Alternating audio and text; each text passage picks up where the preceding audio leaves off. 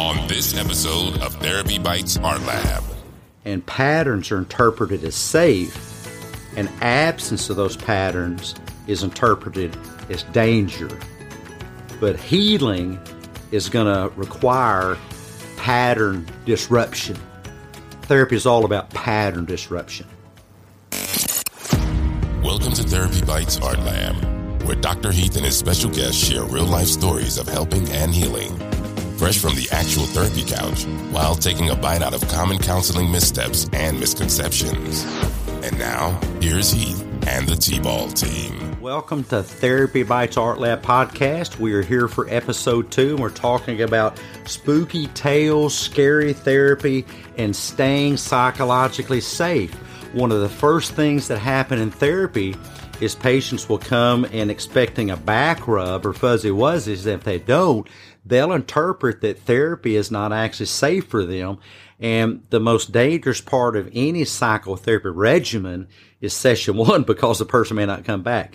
Um, if it's if it's a, a trauma treatment and you're using a protocol such as cognitive processing therapy or CPT, uh, or PE, which is prolonged exposure, and those are the two of the Cadillac treatments for PTSD. I don't do PE, although I do do hypnotherapy for, for trauma. But probably the main treatment I do is cognitive processing therapy. And the most dangerous session is session three. We might get through the first full sessions, but then when we start trying to challenge these patterns that indicate safety to a person, and the brain is leveraged to look for safety and patterns to most people. Just think your living room furniture. If somebody, uh, uh, while you're gone for work during the day, came in and rearranged your living room furniture, I'm going to guess you're not going to leave it that way. You're going to change it right back at your earliest opportunity. Why? Because you're used to that pattern of your living room furniture. Now, your brain has its own pattern of furnishings and we kind of want it to stay that way.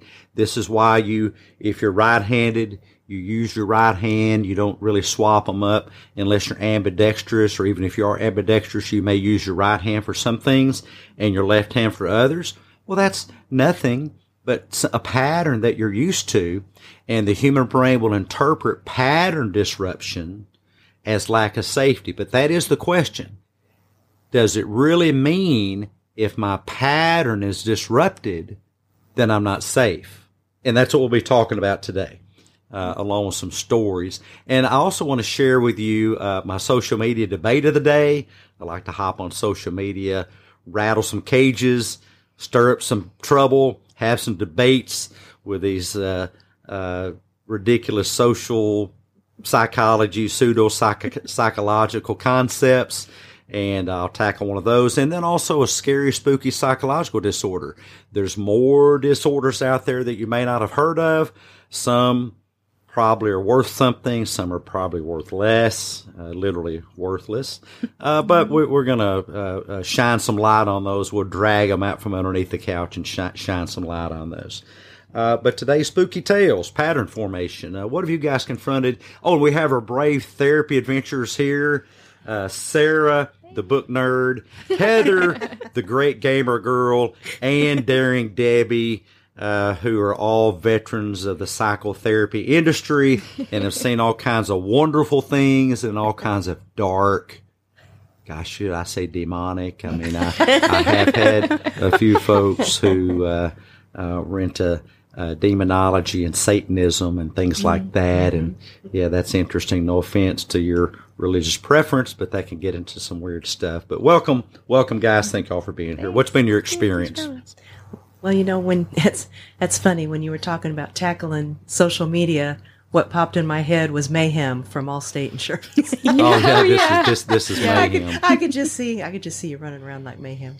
But anyway, and and and absolutely, what you're saying is what I see with uh, trauma. People with trauma, especially, they'll say they want to have control. They've mm-hmm. got to have control of the situation. It's it's those patterns because if they have control, it's predictable, and predictability is you know, equated to safety. But but that's not the case. Predictability isn't always safety. You know, predictability for a lot of trauma survivors, especially those who have survived abuse, predictability is abuse. Mm-hmm. And that's not mm-hmm. healthy and that's mm-hmm. not safe.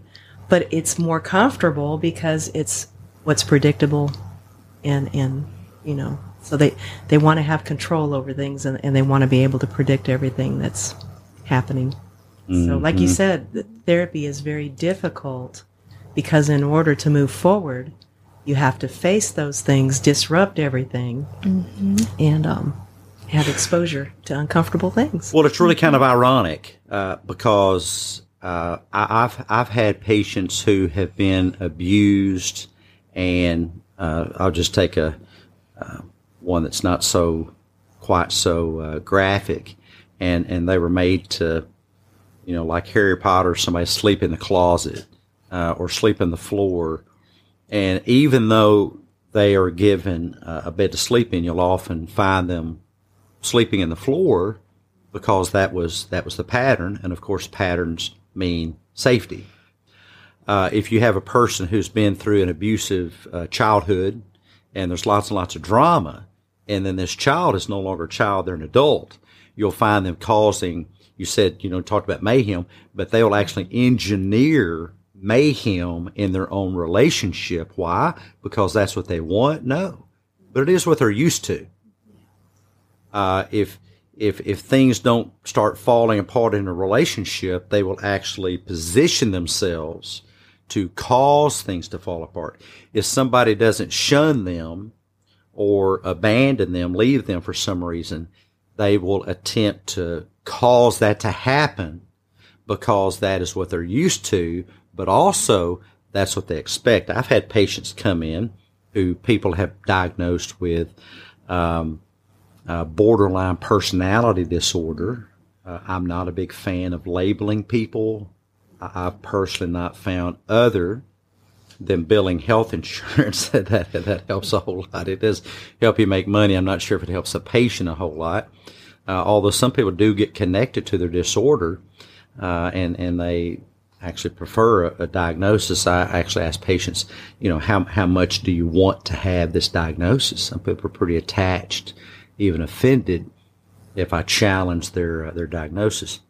But uh, people will come in, and since they're used to everyone else running away from them, having a, a fight or flight response with them, uh, since they're what's the terminology? They're being extra or something, you know. um, they they'll come in and display all kinds of unhealthy behavior toward me.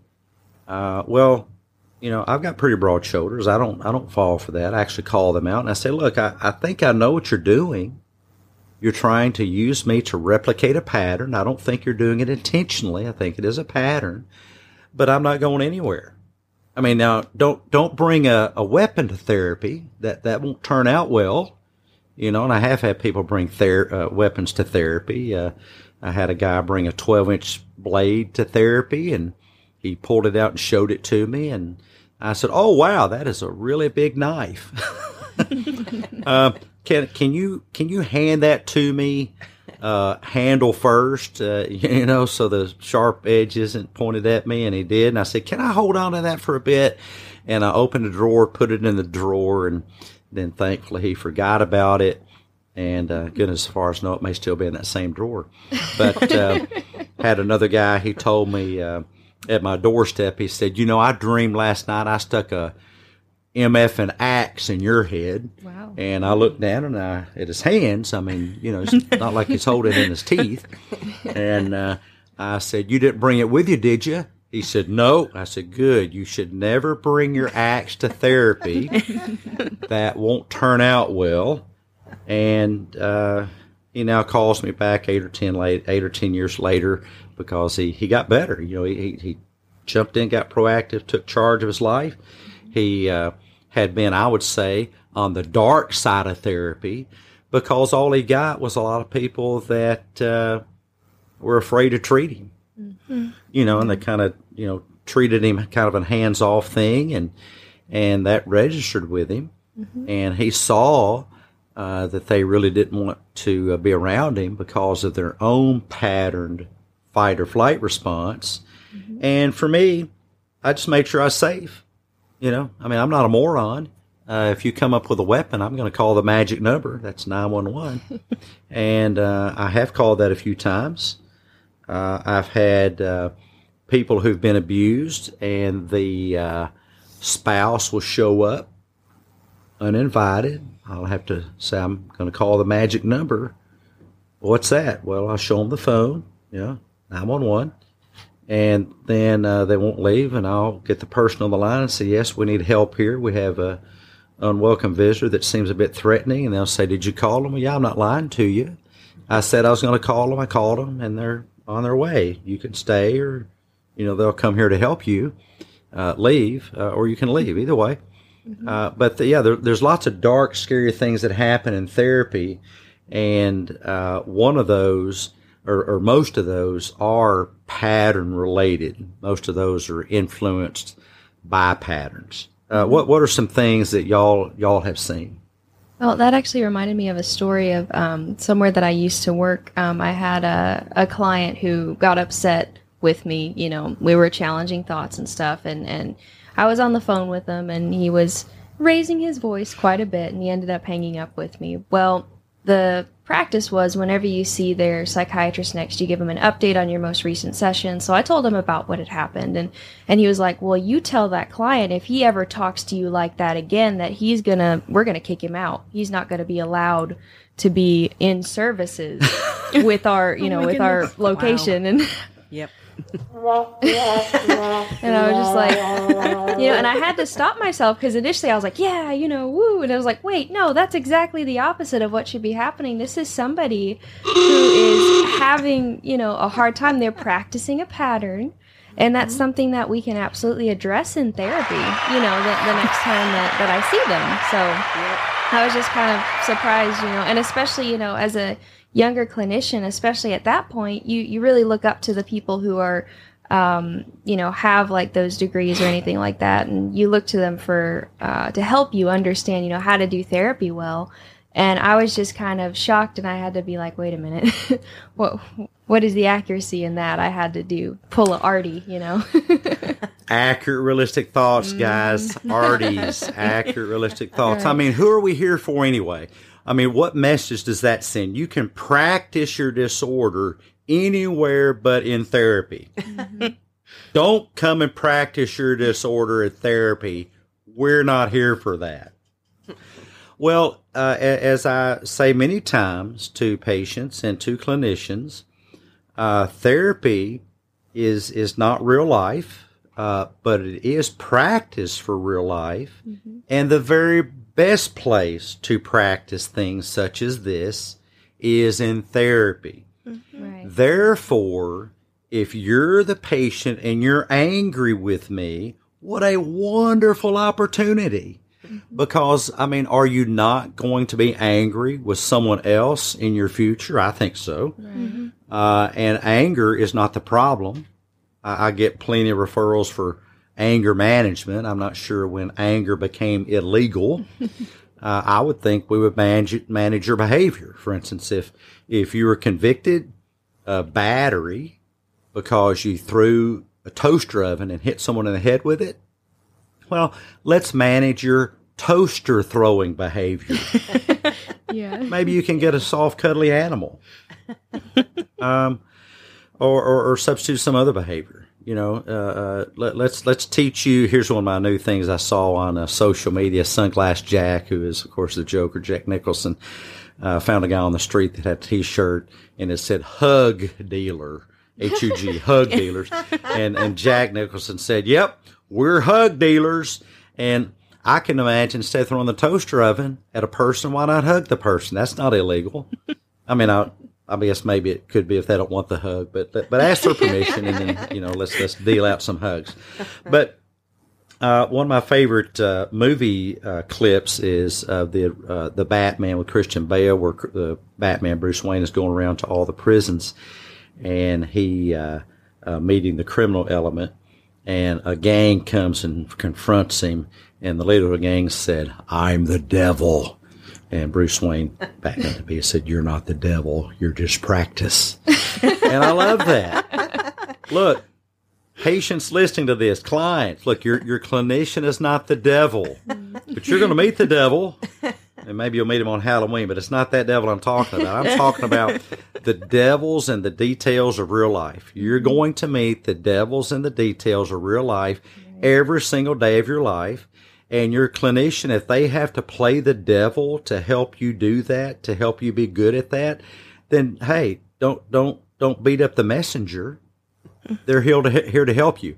Uh, I, I've had patients uh, that I have selectively because I knew that they were impatient, that they had a impulse control difficulty, and that's one of the number one things that I find myself treating are impulse control disorders, which originate, by the way, in the frontal lobe, uh, right here, uh, dorsal lateral prefrontal cortex, uh, uh, the center of executive functions, and I'll have them wait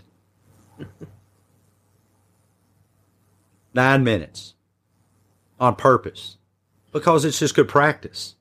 I mean, in real life, do we not have to learn to wait? I mean, why do we think? I mean, why do we assign ourselves some godlike status that we should get our way regarding getting things on time when we want? One of the greatest things we can practice is not getting our way. Uh, what are some other things from the darker side of psychotherapy that you guys have run into? Um, avoidance. Some um, I've heard I've had some clients tell me that their clinicians um, had told them that you know avoiding the issue, like if they've had trauma or um, just anxiety, to avoid those you know those triggers or to just avoid the situations that cause them to feel those feelings because that that'll that'll help them get better. And it, when really that's just enforcing it. Avoidance isn't you know helpful. You can't just write it down put it on a shelf and it's all better. Like you've got to work through it and practice it. You can't avoid everything. It, it's not helpful at all. Right, and I've actually had I had a client that um, had been in therapy for years and years, and then finally, you know, he was able to come and see me, and and he told me that's what his therapist told him. He was like, "Get you a journal, write it down in the journal, put it on a shelf, and forget about it." And I was like, "That." I was like, "We might get you a journal and write it down, but no, we're not going to just put it on a shelf and forget about it. We're going to work through that. We're not going to avoid that because that's not going to help you at all." no I heard one too one time that um, was told to uh, selectively pick one or two things that they wanted to do and take their Xanax and do those things. And that's it. oh wow I was like, It's hard. Just, just, just drift off to fairy tale land, and all your problems they would just be carried away on the pixie dust of vitamin X. Oh my goodness. You're listening to Therapy Bites Art Lab, bite sized therapy for your brain with Dr. Heath and the TBAL team. The best advice on the net. No copay required. Imagine Tiger Woods' golf coach. I, I, I, I don't know if he has a golf coach. I mean, most pro athletes they still have a coach, and and these these pro athlete coaches when they uh, uh, share with their coach a difficult golf swing or a different a difficult uh, uh, whatever in their field in, of, of athletics, the coach says, write it in a journal, put it on your shelf, and just forget about that particular golf swing. Uh, that's not therapy. That is. I mean, I think Heather, you know, hit the proverbial nail on the head. That is just avoidance, and avoidance is what's going to keep that problem going. Uh, uh, we have to. There's three things that we teach that that are essential, and the first thing is practice, and the second thing is um, oh, uh, practice, and the third thing is more practice. True. Alert! Practice, practice, practice. if you want to get good at anything, you don't write it in a notebook and put it on the shelf and forget about it. You keep on challenging and challenging and challenging that particular belief system, replacing it with a more accurate belief system. And I mean, it's just spooky to hear about clinicians uh, doing this kind of thing. What What are some of the other spooky techniques that you've heard clinicians talk about? Um, well, another one that I've heard that kind of goes along with what you were saying is, you know, they'll they'll come into therapy, and they'll tell the the therapist everything or the clinician, the psychiatrist, whoever it is, and they'll look at them and they'll they'll you know make eye contact very dramatically and be like, "I am so sorry that that has happened to you." And and that's terrible. That should have. Which I mean, if you're being honest and genuine and sincere, and you're like, "Yes, I'm so sorry that happened to you," but let's do something about it. You know, let's let's let's help you overcome this. And uh, something that I told a, a patient who told me that one time was, "Okay, well, let's let's imagine this differently. Let's say that you break your leg, and the EMTs come." and they they come in they they grab you by the shoulder and they look you in the eyes and they say i am so sorry that this has happened to you you know i i i can't believe and their this leg happened. is healed. right right and then they just leave they they don't even look at it they just leave The bone rejoins the, the broken edges and it mends itself together. Mm-hmm. Yeah. And all they've done is said, I'm so sorry for what you've been through. I had somebody one time tell me that their therapist told them that they've never known anyone that's had it as bad as them. they, they, they asked me, you know, "Have- have you have you worked with anybody that's had as bad as me? Oh, just you. Man, just you. You take the cake, buddy. I'm telling you. I don't see how you've made it this far. I thought, wow, what a thing to tell somebody.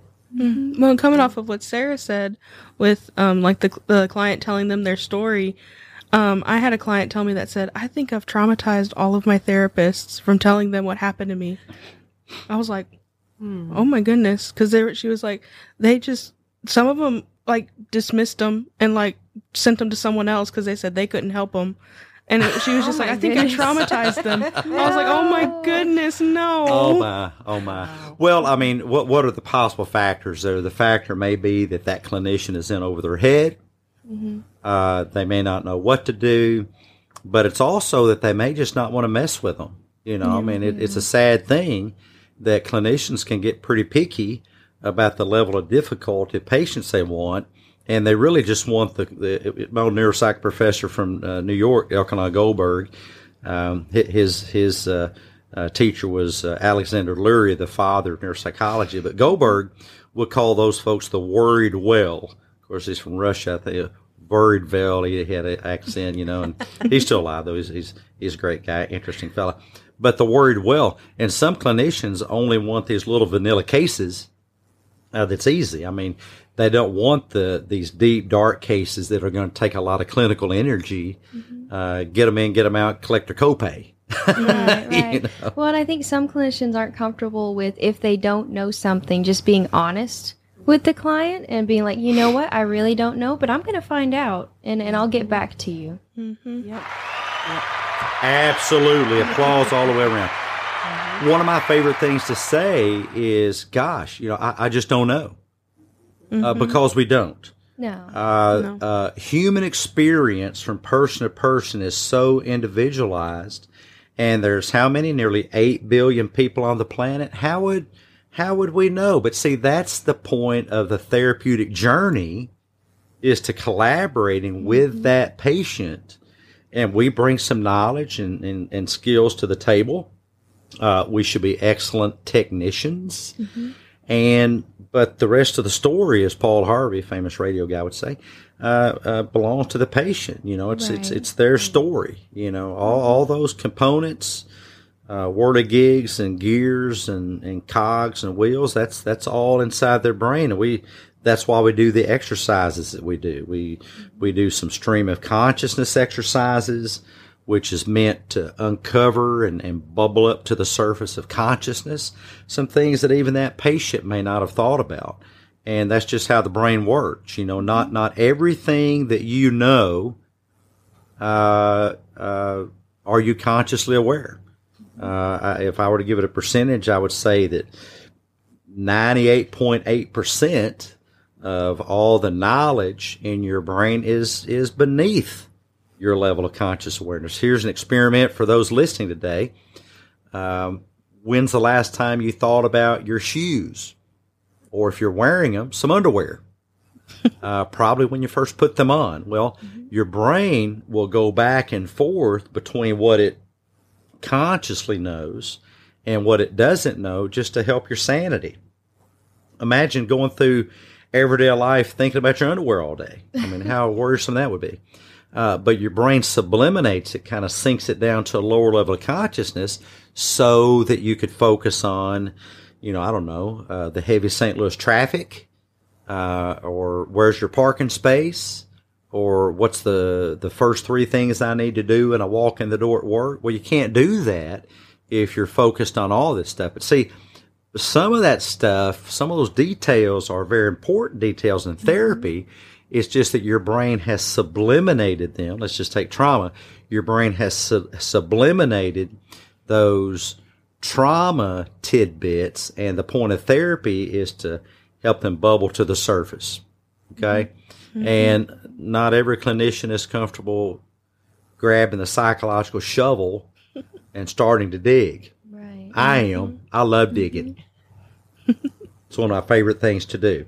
Absolutely. Well, Yes. and you know, I, I y'all can tell me if y'all have heard this before too, but I've also heard um, patients say that you know if if they happened to dare to bring something up that they'd already brought up in therapy before to their therapist, the therapist would say, "Oh, we've already been over that. I don't know why. you know, I don't know why we need to go over that again." Oh it's like, no, no, no, no, no. I tell my clients or my patients that, hey, if you have it and you bring it up again, do it. Bring it up again because we're just mm-hmm. gonna, you know, we're gonna keep going. There might be something else about it that we haven't covered, or even if we've covered it twenty times, bring it up again. Mm-hmm. Please do.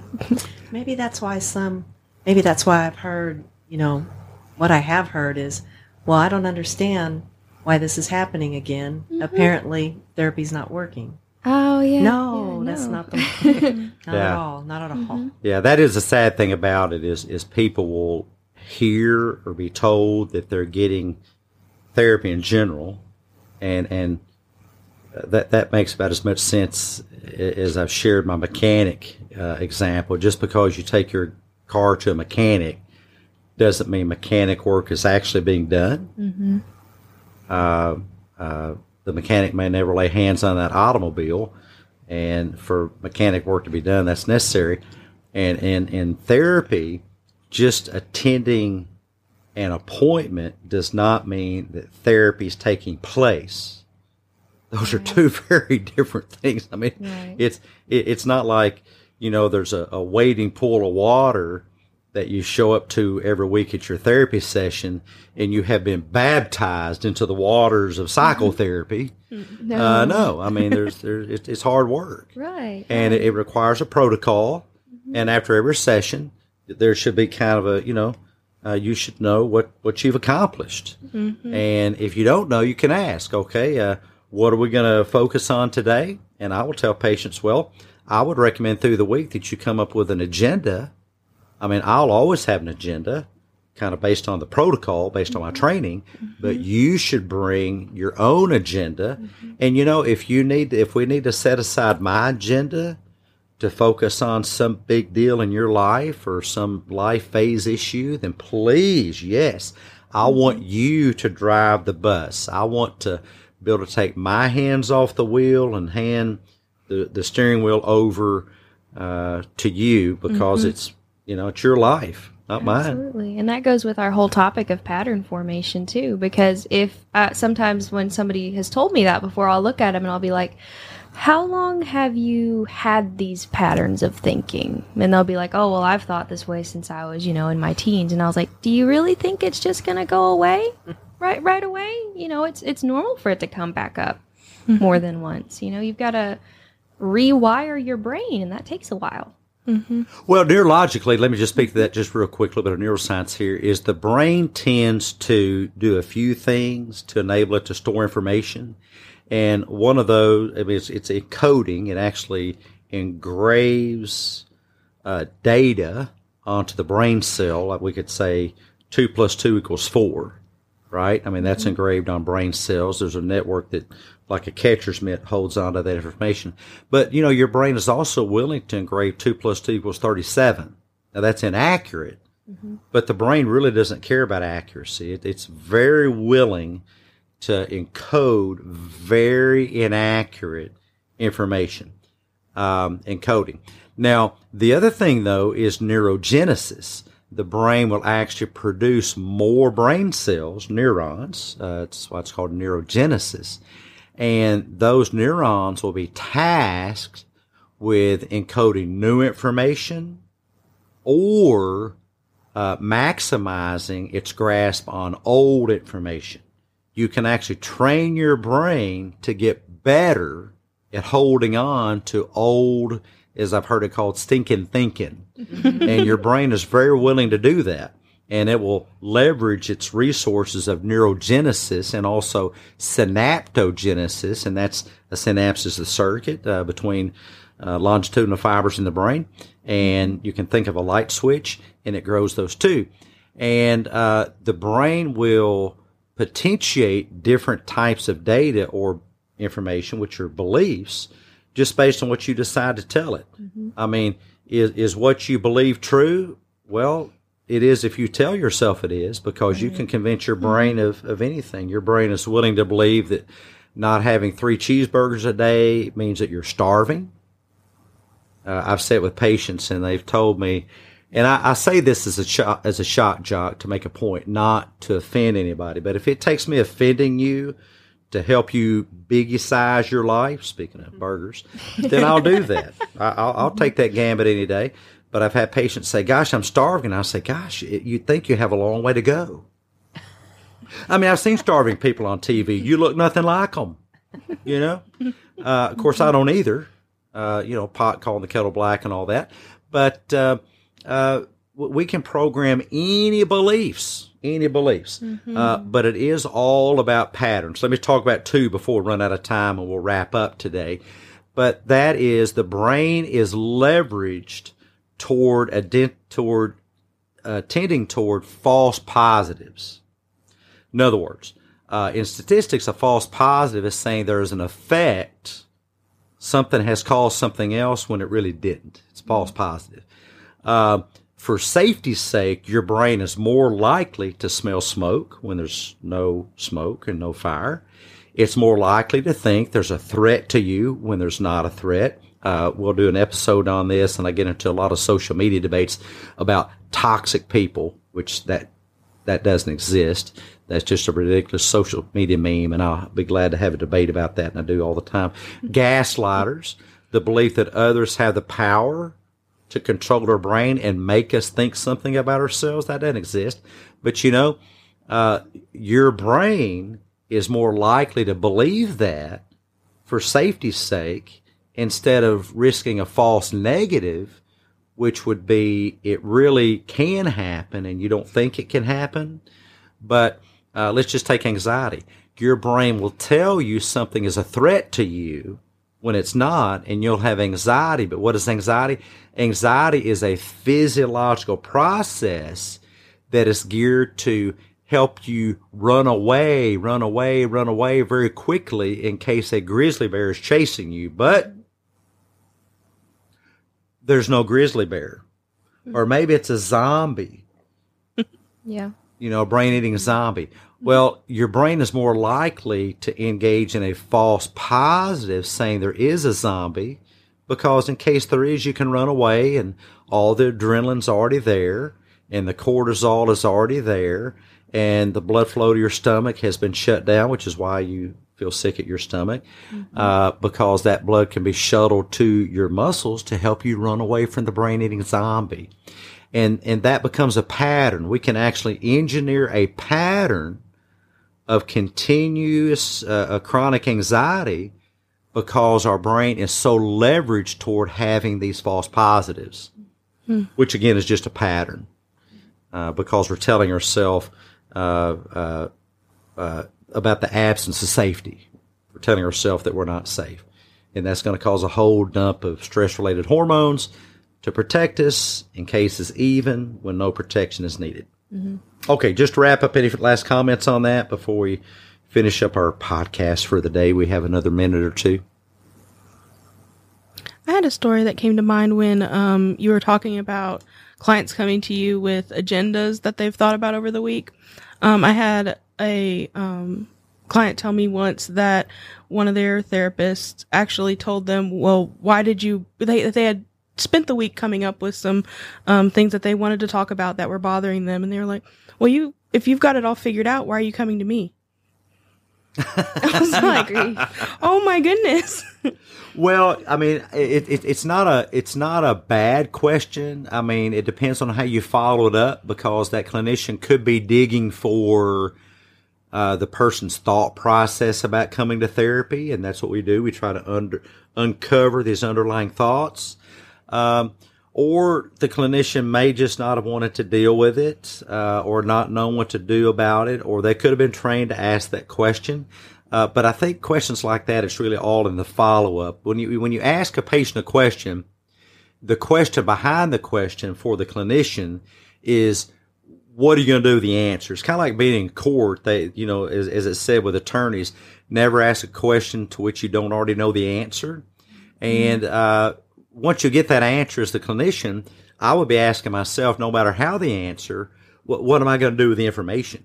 Right. And what I would do with it is I'm thinking either what they come up with is going to be an accurate, realistic thought, an RD, mm-hmm. ART, or an inaccurate, unrealistic thought, an IUD. There's a U, an IUD, Right. IUTY, and then we'll we'll plan accordingly. I mean, if they if it's uh, if it's uh, accurate or inaccurate, I might ask them for their evidence. I mean, how do you how do you know you're you're, you're basing this on on what data? And often the data is going to be guess what? A feeling. Feelings are wonderful. I have them all the time, but they're not good data. But that's a great point. Okay, well, we thank you guys again for joining us today. We're going to close out, out episode number two, and we'll be back next week for episode number three. You come back and join us then and bring your friends. Thank you. Have a great one. And remember, we first engineer our thoughts, and then our thoughts engineer our lives. This is Doc Heath. We're out for the day. Bye, guys. Hey, TBALers. Thanks so much for being with us today. If we brought value to your day, show us some love by leaving your positive feedback and inviting some friends to listen in and join the TBAL team. Next time on Therapy Bites Art Lab. Hey, Doc Heath here. Imagine that you're walking along a dark, spooky road and a werewolf starts to chase you and your best friend, your little puppy, and you're out for a walk and you run as fast as you can away from the werewolf. And luckily, the werewolf stumbles and you make your way to safety and bolt yourself behind a door. And at that point, the differences between your puppy dog's experience and your experience really come to the fore. What would be the difference in your experience and your puppy dog's experience? What is it that determines whether the barking werewolf ruins your day? I can assure you the barking werewolf did not ruin your puppy dog's day. As frightening as that was, your puppy dog will react differently. We'll talk about that on the next episode of Therapy Bites Art Lab.